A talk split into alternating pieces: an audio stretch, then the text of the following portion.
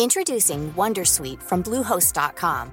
Website creation is hard, but now with Bluehost, you can answer a few simple questions about your business and get a unique WordPress website or store right away. From there, you can customize your design, colors, and content. And Bluehost automatically helps you get found in search engines like Google and Bing.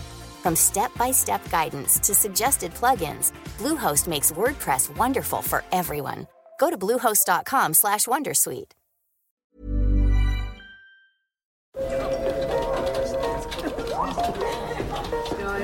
Dette er lyden av norsk næringsliv.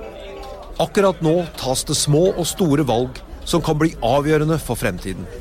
Med økonomisystemet X-Leger tas disse beslutningene basert på informasjon i sanntid, slik at drømmer og ambisjoner kan bli virkelighet. Få kontroll og oversikt, gå inn på xledger.no. Denne sendingen er sponset av Xleger.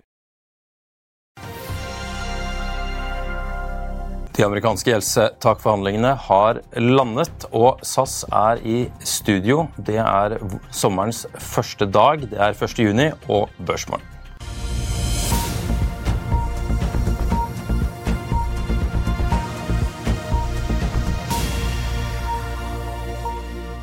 Velkommen til Børsmorgen her hos Finansavisen. Mitt navn er Marius Mørk Larsen. Med meg har jeg aksjekommentator Karl Johan Molnes. Og vi har flere gjester i dag. Men først, amerikanske børser falt i forkant av avklaringen rundt gjeldstaket i USA i natt. SMP 500 og Nasdaq falt 0,6% mens Dow Jones sank 0,4% Det ble enighet rundt gjeldstaket i Representantenes hus, og saken går nå videre til Senatet. I Asia stiger børsene. I Japan, Hongkong og Kina i snitt 0,6% torsdag morgen. Nordnett-analytiker Roger Berntsen mener at dette gir et håp for støtte fra denne regionen i dagens handel, og spår at Oslo Børs vil åpne opp 0,4% Dermed er det altså døket for en grønn start på børsdagen. For øvrig fulgte også oljeprisen med litt opp, og brentoljen er opp 0,5% til 73,05 dollar fatet, mens VTI-oljen stiger 0,6% til 68,5 dollar per fat. SAS har torsdag lagt frem tall for andre kvartal som viser et tap før skatt på 1,4 milliarder svenske kroner. Til sammenligning hadde selskapet et resultat før skatt i samme periode i fjor på minus 1,5 milliarder svenske kroner. Inntektene i kvartalet ble på 8,9 milliarder svenske kroner, opp fra 7 milliarder i samme kvartal i 2022. Mer om det om en lite grann, men først. Arbeiderpartiet, Senterpartiet, Venstre, Pasientfokus og Rødt stemte onsdag igjen mye, gjennom den mye omtalte lakseskatten, og Venstre har vært ute og sagt at de er, skal ha mye av takken for at dette ikke ble en større skatt enn det ble. Equinor har besluttet å utsette Beidou Nord-prosjektet i Canada med tre år pga. utfordrende markedsforhold, ifølge canadiske CBC. CBC skriver videre at en talsperson for Equinor sier at prosjektet har pådratt seg betydelige kostnadsøkninger de siste månedene, delvis pga volatile markeder. Frontline la onsdag frem de beste, eh, det beste kvartalet siden 2008. og Analytikerne i Furnish Securities har dermed grep, grep og jekker opp kursmålet på aksjen fra 165 til 240 kroner, med en gjentatt kjøpsanbefaling. Analytikerne i ABG Sundal Collier er hakket mer positive. Her høynes kursmålet fra 298 til 315 kroner. Aksjen falt 5% i går og ble sist handlet for 157,88 kroner. ABG tror altså at aksjen kan doble seg i verdi. DNB Markets har ifølge Bloomberg tatt opp dekning på Cloudberry. Kursmålet settes til 14,5 og det gis en kjøpsanbefaling. Aksjen ble sist handlet for 12,2 kroner. God morgen, Karl Johan. Gjeldstaket det er landet, det er 1. juni. Ja, det gikk gjennom Representantenes hus som bare det, selv om det var store protester fra enkelte uh, Freedom Caucus, de mest uh, de sinte republikanerne. Men uh, McCarthy har fått det gjennom, og nå skal det gjennom Senatet. Der sa jo jeg det går jo gjennom, og da sa de jo vent, vent, man skal jo ikke ta dette for gitt, man vet jo aldri hva som skjer her nå. Og det er jo samme politikk, man vet aldri hva som skjer. Men det ser veldig bra ut, og, og det ser ut som om at det går gjennom og da skjer jo det sikkert da på fredag, og da skal eh, det ut og hentes masse obligasjoner, da, over 1000 milliarder dollar, og det kommer markedet til å merke, at det trekker inn den likviditeten. da. Mm. Men Tør vi være sikre på at dette går gjennom Senatet? da? Det, jeg syntes jo at det er ganske sikkert, da. Men, men eh, ja, jeg vil synes det er veldig rart om de ikke gjør det nå. Det er, for, ja, der er et lite flertall, men, men Menchen har jo overraska før, da, så det må, det, må, jo skje noe overraskende. Men det, det, er litt for Du kan ikke spille med sånne ting som dette her. Nei, Christian Sinema har jo nå blitt independent, så hvem vet hva slags skiftenøkler hun kan prøve å kaste inn i maskineriet. Men det er, vel, det er vel lite sannsynlig likevel for at dette ikke går igjennom nå? Ja, nei, det er litt sannsynlig. Det, men det, de skal jo alltid ha noe da, for å være med. Så det, man, det, trenger jo ikke å være inn i det bildet. Liksom. Det kan jo være at de får andre ting. De, de fører jo lange bøker, disse politikerne. Da. Pelosi har jo tradisjon for å være datteren til ordføreren i Baltimore, og hun førte bok da for faen sin hvem hun skyldte tjenester. Og, så dette her går jo langt tilbake i tid. Så selv om det ikke nødvendigvis er direkte der, da, så før de opp, da var, de, var dette verdt å støtte dette. her. Altså Manchin han får en tilgodelapp, tenker jeg da, for å være med på dette. her. Veldig bra.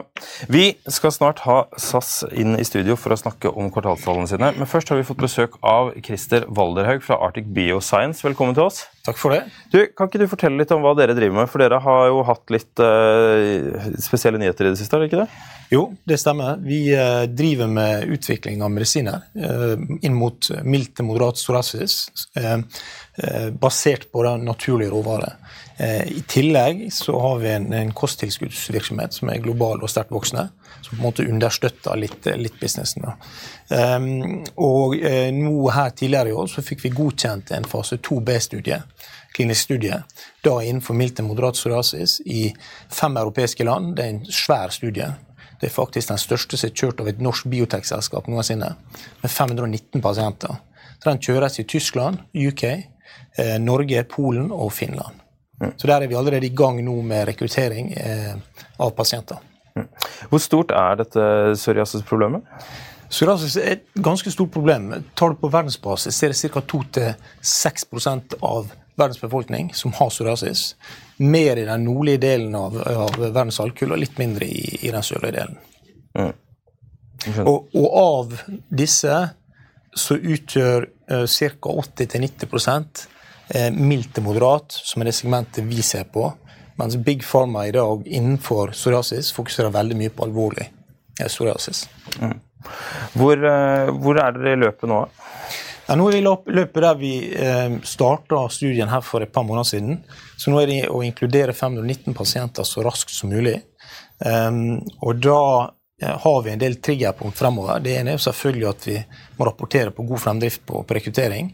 Eh, der føler vi oss ganske trygge, fordi det er ikke vi som selskap som rekrutterer. Vi har allerede rekruttert eh, rundt 60 klinikker på universitetssykehus, sykehus og private klinikker rundt om i Europa, som er typisk spesialisert på, på hud og dermatologi. Så det er disse som gjør rekruttering fra sine pasientlister. Eh, så neste tri store triggerpunkt er jo da når siste pasient er inne i studien. For da er det seks måneder til vi har read-out på studien. Så det er veldig sånne klare triggerpunkt for oss. Du har en kosttilskuddsvirksomhet. Hvor stor andel av forskninga og testene finansierer den? Ja, altså Per i dag så, så finansierer den ikke utvikling av uh, Farma-programmet. Det har vi henta penger til tilbake i 2021. Uh, og vil også måtte finansiere videre. fordi at etter en fase 2B-studie så kommer en, en fase 3-studie før man da må søke markedsføringstillatelse. Så, så, den fase 3-studien den må vi finansiere opp. Men Jeg ser jo det på estimatet her at det forventes at eh, inntektene skal doble seg i år fra i fjor. Eh, eh, det betyr jo det at det må jo komme litt penger fra den kosttilskuddsvirksomheten. Den går jo med overskudd, den da?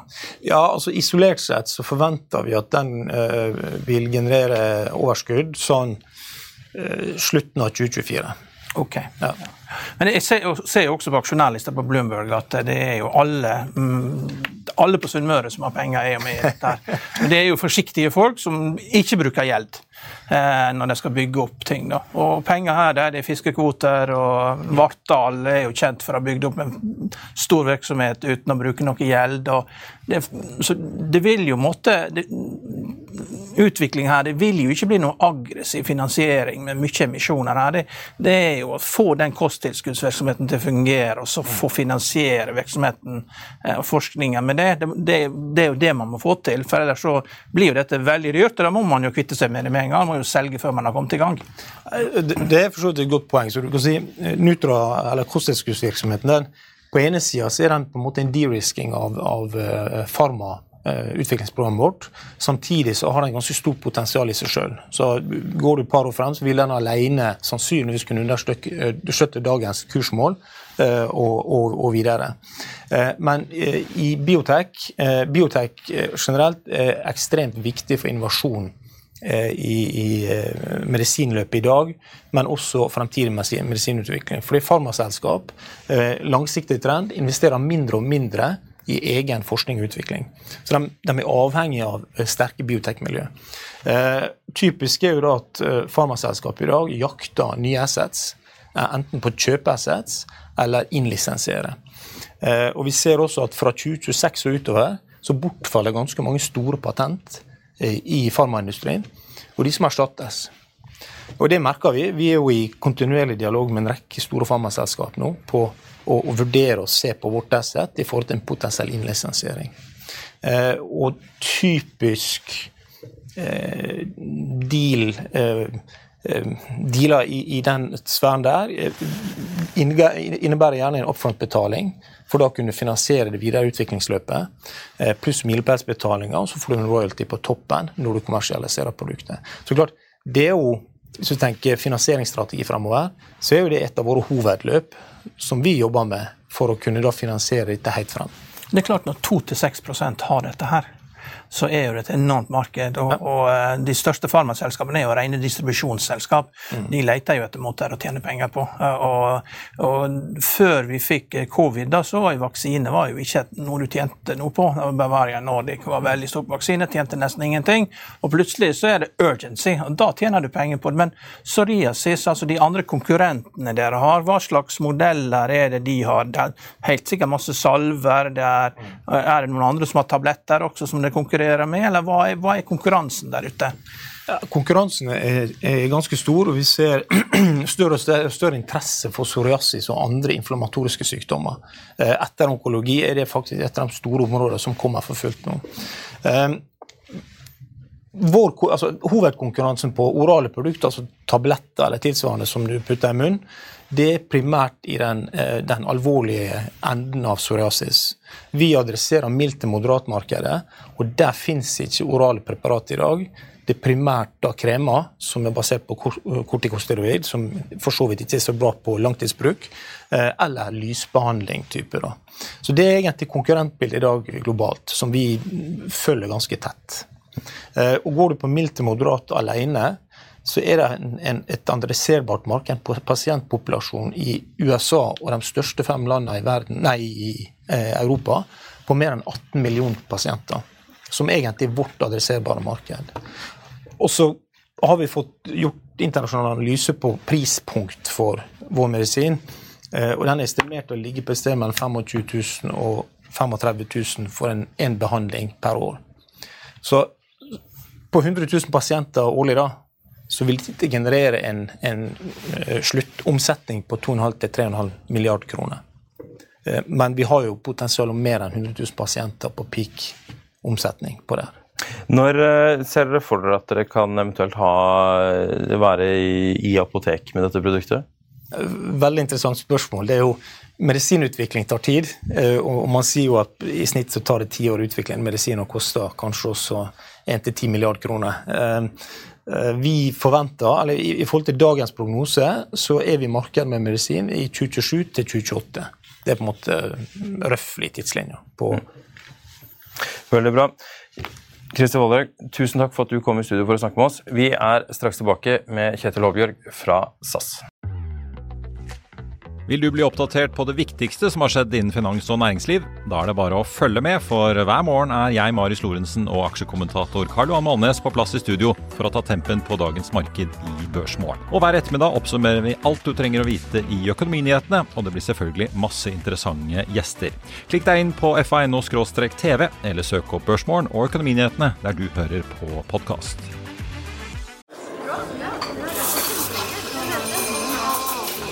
Dette er lyden av norsk næringsliv. Akkurat nå tas det små og store valg som kan bli avgjørende for fremtiden. Med økonomisystemet X-Leger tas disse beslutningene basert på informasjon i samtid, slik at drømmer og ambisjoner kan bli virkelighet.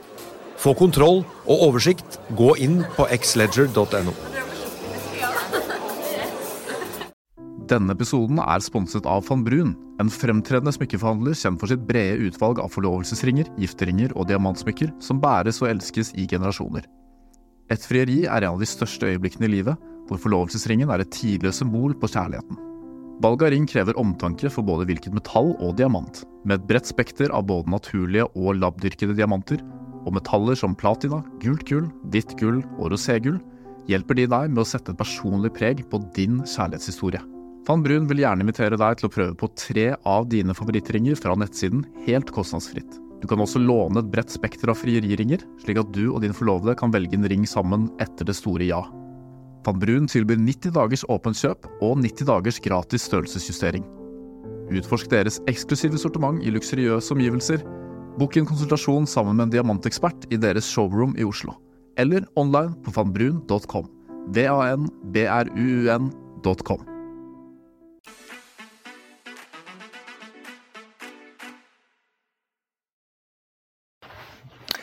SAS eh, legger frem tall i dag, og vi er så heldige å ha fått med oss norgessjef Kjetil Aabjørg. Velkommen til oss. Dere legger frem tall i dag, minus 1,4 milliarder eh, kroner, svenske kroner. Men samtidig økt inntektene fra 7 eh, til 8,9 milliarder. Hva, hva er dine umiddelbare tanker rundt det resultatet dere legger frem? Ja, det er riktig. SAS legger fram et resultat på minus 1,4 milliard eh, i dag. Dette er i linje med den planen vi har for eh, Eh, arbeidet med å skape et nytt og lønnsomt SAS etter pandemien. Vi har god fremdrift i våre eh, arbeid på den sida, og vi står foran en, en, travel sommer. Vi har mange nye ruter, og det er mange som vil reise med oss. Så eh, resultatet er 1,4 milliard i minus, men vi ser positivt på sommeren og vi ser positivt på markedet fremover. Mm. Alle ser jo positivt på sommeren. Dette blir jo den beste reisesommeren, virker det som. Det er jo ingen som har hørt om inflasjon eller renter eller noen ting, virker det som. Men, men hva med litt sånn lengre perspektiv enn sommeren. Hvordan skal det gå for dere da? Ja, Det er viktig å få fram at uh, luftfarten er jo veldig sesongbetont, og vi har jo en tøff uh, periode av året bak oss. og uh, Alle flyselskap tjener godt, eller tjener bedre i hvert fall da om, om sommeren, og det gjelder også for, for, SAS. og Det er viktig for oss å være godt forberedt for en sånn sommer. Når det gjelder på lengre sikt, da, så er jo SAS i en transformasjon. Vi er i chapter 11. Vi jobber hardt med å skape fremtidas SAS. Den planen består av tre hoveddeler. Det ene er at vi skal redusere våre kostnader med 7,5 milliard. Vi skal konvertere gjeld, eller eh, redusere gjelda med eh, over 20 milliarder, og vi skal hente ny kapital, 9,5 milliard. Og Det skal skape grunnlaget for et lønnsomt og attraktivt SAS eh, etter denne sommeren. Mm.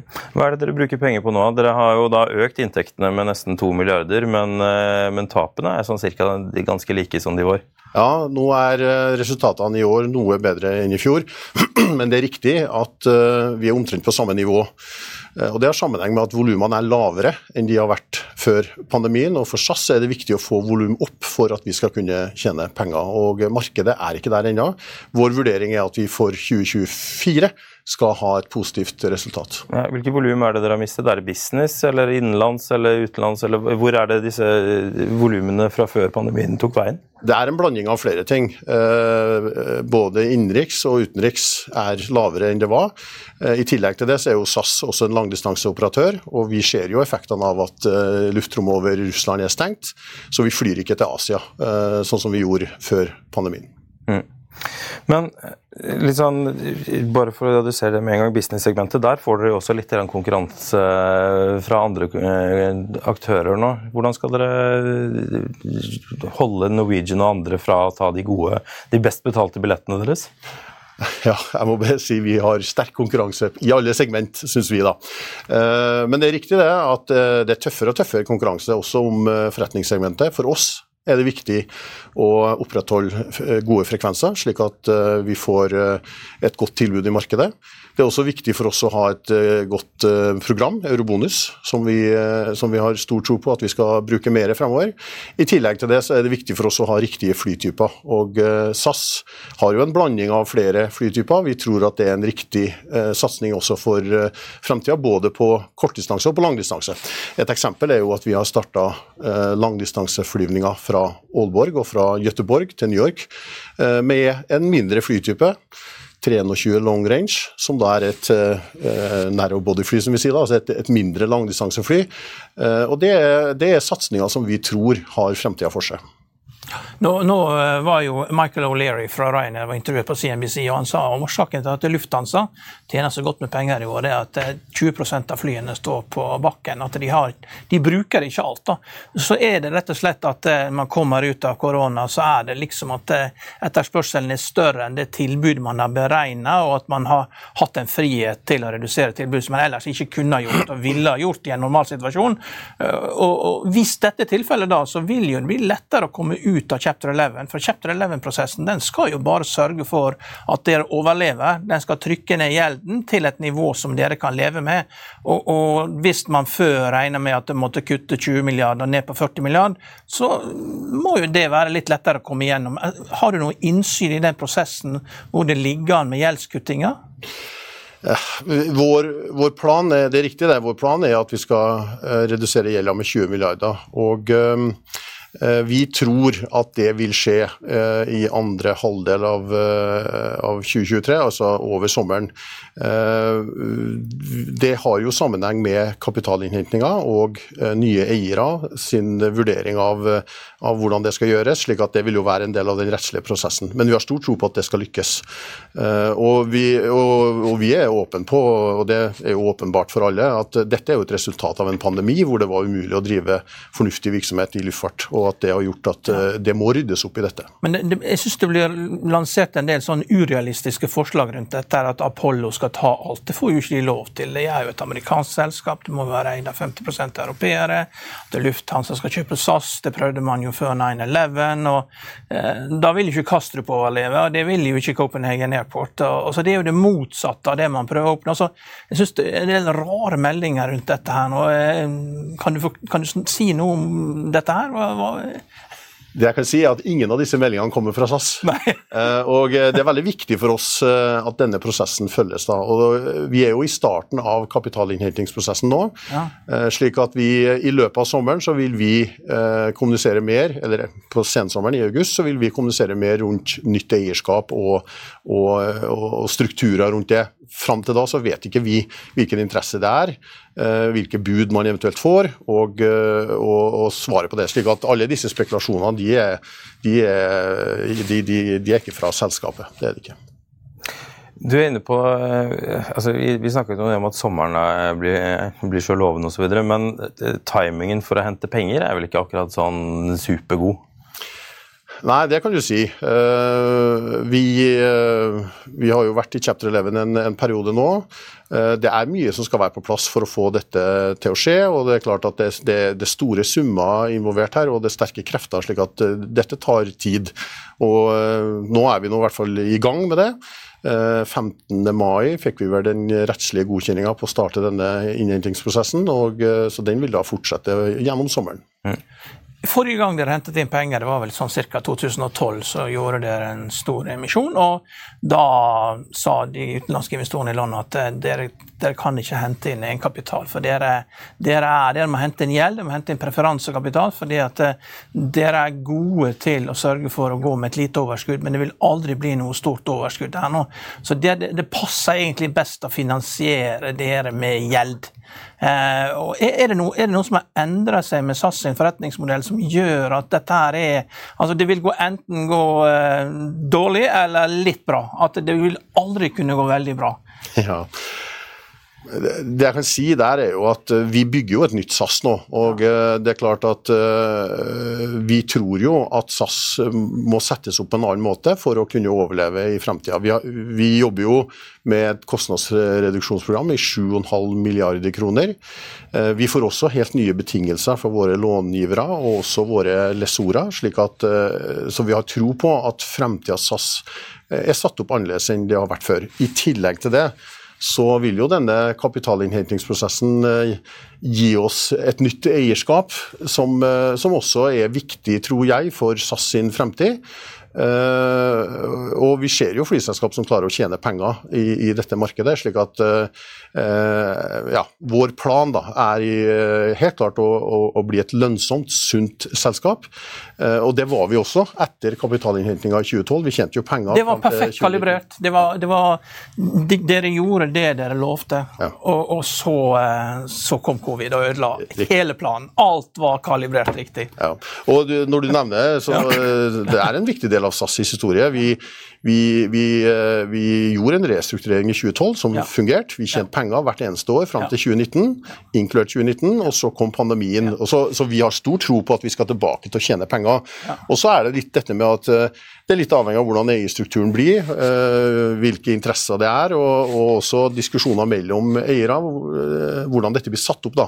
Men planen vår er i hvert fall å skape et konkurransedyktig kostnadsnivå som gjør det attraktivt å investere i SAS. Hva slags selskap blir SAS i fremtiden, da? Altså, du var inne på med Michael O'Leary. Altså, jeg vet hva Ryanair er, men det, det er billige flybilletter.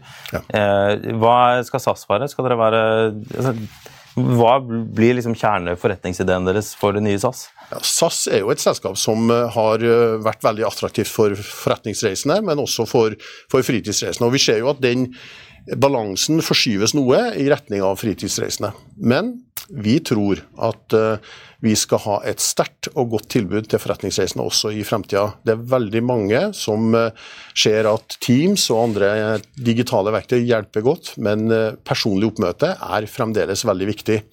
Og Det betyr at vi skal fremdeles ha et attraktivt tilbud. Vi skal ha høye frekvenser, vi skal ha tilpassa Eh, flystørrelser, altså flytyper, til ulike markeder. Eh, men samtidig skal vi tilby et produkt for også eh, fritidsreisende som er godt. Vi skal tilby reiser hvor du har kombinerer forretningsreiser og fritidsreiser. Vi tror at det er også et, segment som, som kommer. Og så skal vi ha et attraktivt program som gjør at, at SAS blir et godt valg for, for reisende også frem til det som, eh, det som, skiller dere da fra de andre flag carriers, er jo at det er mye billigere å fly business med SAS enn de andre. Er, eh, men er det sånn at eh, nå er jo Wallenberg var jo stor aksjonær, og han var jo også sikkert en av de største kundene. Han Har sikkert veldig mye å si for billettene. Jeg jobber sjøl for et Wallenberg-selskap i New York i seks år, og vi reiste alltid med veldig gunstige, billige billetter. Og jeg så hva alle andre betalte på Lufthansa og, og på alle de andre når vi reiste rundt og skulle til Europa og skulle rundt og besøke for alle, jo, alle, var nødt til å fly med eh, Du har ikke noe valg på hvilket flyselskap du skal fly på. Eh, men, vi så jo billettprisen, for jeg organiserte jo turene og tolv stykker som skal reise rundt i Europa i ei uke. Og, og der er jo liksom en tredjedel under de andre i pris. da. Så hvis dere klarer å få forretningsreisen til å betale det samme som de betaler på Lufthansa og på de andre, så har jo dere løst dette her. Men, men klarer dere det? Ja, nå er det sånn Markedet i Skandinavia er jo noe mindre enn det er i, i Mellom-Europa. slik at uh, segmentet for business er noe annerledes, er vår vurdering. Uh, vi har da valgt å legge oss på et noe lavere nivå. Uh, men dette er ting som vi kontinuerlig utfordre. Vi, vi, kikker jo på vårt produkt, vi kikker jo på destinasjoner og frekvenser for å se hvordan, hvordan vi kan tilby et attraktivt produkt i konkurranse med andre. Da. Men fram til nå så har dette vært eh, vårt, eh, ja, vår måte å håndtere dette på. Vi har tanker rundt hvordan vi skal få til dette fremover også, uh, men det er spennende, et spennende marked. Det er annerledes, fordi at ute så er klassesamfunn. Du er nødt til å fly business, du har ikke noe valg. Men så holder det igjen på hotellene. Da. Du får ikke lov til å bo på visse hoteller. Da. det er bare Alt er strengt regulert i Norge. så ja, Hvis du flyr economy class, kanskje du kan på litt, bo på et litt dyrere hotell. Mm. Sånne ting eksisterer ikke med tyskere. og eh, Det er klare linjer. Du skal ikke risikere sånn som det var med oss, at Nordea styrer formann, og traderen i Nordea sitter ved siden av hverandre på business class til New York. Det skjedde med oss en gang. Det er ikke bra, vet du. Vi ser jo at det er interesse for, um, for eh, et forretningsprodukt, som vi sier da. og Litt tilbake til Eh, flytyper.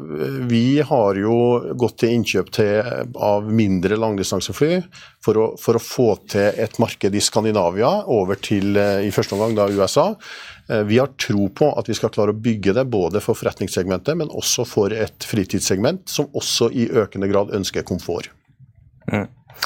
Aksjen deres, eh, Nordeas investeringsdirektør eh, Robert Ness sa tidligere i året at man burde bare selge SAS med en gang. Det var ikke noe aksje å sitte med. Hvorfor skal noen gidde å sitte med SAS i den situasjonen dere er i nå? SAS er i en transformasjon, vi er i chapter 11. Eh, det er viktig å få med seg hva SAS sier, og det gjør vi også i, i vårt kvartalsregnskap i dag. Vi skal gjennomføre en gjeldsreduksjon på ca. 20 milliarder. Eh, sannsynligvis gjennom en konvertering til egenkapital. Vi skal innhente 9,5 milliard i ny egenkapital. Det er klart det har betydning både for kreditorer og for, eh, for, dagens eiere. Så får man vurdere hva det betyr, og det gjør man jo på, på børsen. Men, men, våre eh, signal er, er tydelig. Dette er en, en transformasjon som, som, SAS skal gjennomføre. Den dimensjonen kommer jo på plass. Det blir litt samme som med Norwegian. Altså du, jeg tror det var veldig mange som ble overraska at Norwegian klarte det finansieringen sin. Og Hvis du da som institusjon har lagt inn en råder og sagt ok, jeg vil være med på den emisjonen, jeg vil ha samme, samme kurs som John Fredriksen på 660 hva det var, så kan du legge inn råder hos uh, for de som skal gjøre SAS-emisjonen. Så ok, så får samme kurs som Apollo inn. Jeg vet jo at de har jo forhandla om dette her i to år, så det er jo nødt til å bli en god deal. Det, for de skal jo bare doble pengene sine, og da gjør du det samme hvis du bare er litt tålmodig. Mm -hmm. Men det er fra et annet kursnivå. Det ikke, det, du kan ikke kjøpe aksjen i dag for å oppnå det. Hva tror dere om konsolideringer, da? Nei, vi, eh, nå er jo vi i starten av en kapitalinnhentingsprosess, og vi har ikke sånne synspunkter på det, annet enn at eh, vi registrerer jo at markedet i USA f.eks. Er, er annerledes enn det i Europa, at det er veldig mange selskap i Europa. Men uh, nå skal vi uh, innhente kapital. Vår jobb er å sørge for at dette er en attraktiv investering, og det skal vi jobbe hardt for å gjøre. Og vi skal jobbe hardt for at SAS skal oppstå etter denne pandemien på samme måte som vi var før pandemien, nemlig som et lønnsomt og attraktivt selskap både å investere i og reise med. Mm. Helt til slutt, jeg må spørre, for jeg må, jeg må tilbake til det. fordi vi, vi, hører disse alle snakke om denne sommeren og flybilletter, det selges en masse osv. Men, men det er nå greit nok. Men eh, renta er opp, det er dyrere, strøm er dyrt. altså Vi er i en dyrtid. Hvordan ser dere på billettmarkedet liksom, de neste 12-24 månedene, istedenfor bare det korte bildet frem til sommeren? Ja, Når det gjelder det korte bildet til sommeren, så er vi veldig positive. Utover det så er det vanskeligere for oss å si. Men det er også uh, et viktig poeng for oss. SAS er jo et uh, internasjonalt selskap, da, uh, også i sine fundasjoner. Vi er jo et skandinavisk selskap, men vi flyr jo sammen med våre partnere i Star Alliance og i andre sammenhenger over hele verden. Slik at f.eks. en valutakursutvikling her gjør jo at Norge blir attraktivt å reise til, hvilket vi drar godt nytte av gjennom salg ute. Og, sånn at, så vi har et positivt syn på det, men det er klart Eh, det er vanskelig for oss å si hvordan eh, høsten, vinteren og våren 2024 eh, blir. Men utgangspunktet vårt er positivt. Vi ser stor interesse. Og med de samarbeidsforholdene vi har, alliansene vi har, så, så tror vi at, at det er en positiv markedsutvikling også utover det. Tete Aabjørg, tusen takk for at du kom til oss i Børsmorgen. Takk skal dere ha. Jeg skal bare ta et par kjappe oppdateringer helt på slutten før vi gir oss. Eh, Bergen Bio går som en eh, kule i dag. 26 eh, opp. Det er jo en relativt volatil aksje for tiden, men i dag skjer det ting. Fra 11 øre til 14 øre? er det? Ja, 37 øre. Eh, Men det har jo vært en sak som man kan lese der om Trond Moen på fa.no. Eh, Ellers så er det relativt stabile forhold i dag, men europris har falt tilbake 5,5 eller 5,25% SAS er opp 0,31% mens Norwegian er opp 1,51% og Ellers er det ganske eh, foreløpig ganske eh, skal man si, eh, flatt vann på børs. En kjapp rettelse helt på slutten. Jeg kom i skade for å si at SAS-aksjen steg svakt. Rett etterpå så kom det en oppdatering i systemet her, og SAS-aksjen er ved innspilling ned ca. 9% på dagens resultater. Vi er tilbake 14.30 med Økonominyhetene, og du kan se og høre denne sendingen når du vil på fa.no. slash tv. Der har vi også en ny spiller, sånn at det, er enda bedre å se våre sendinger der. Du kan også søke opp denne sendingen når du vil eh, som podkast. Bare søk opp Økonominyhetene eller Børsmorgen, og så er vi tilbake med Børsmorgen i morgen.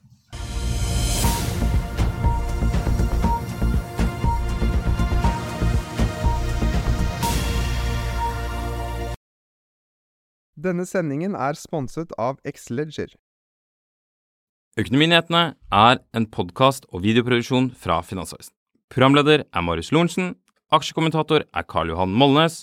Produsent er Bashar Johar. Podkast- og videoansvarlig er Marius Mørk Larsen. Og ansvarlig redaktør er Trygve Hegnar.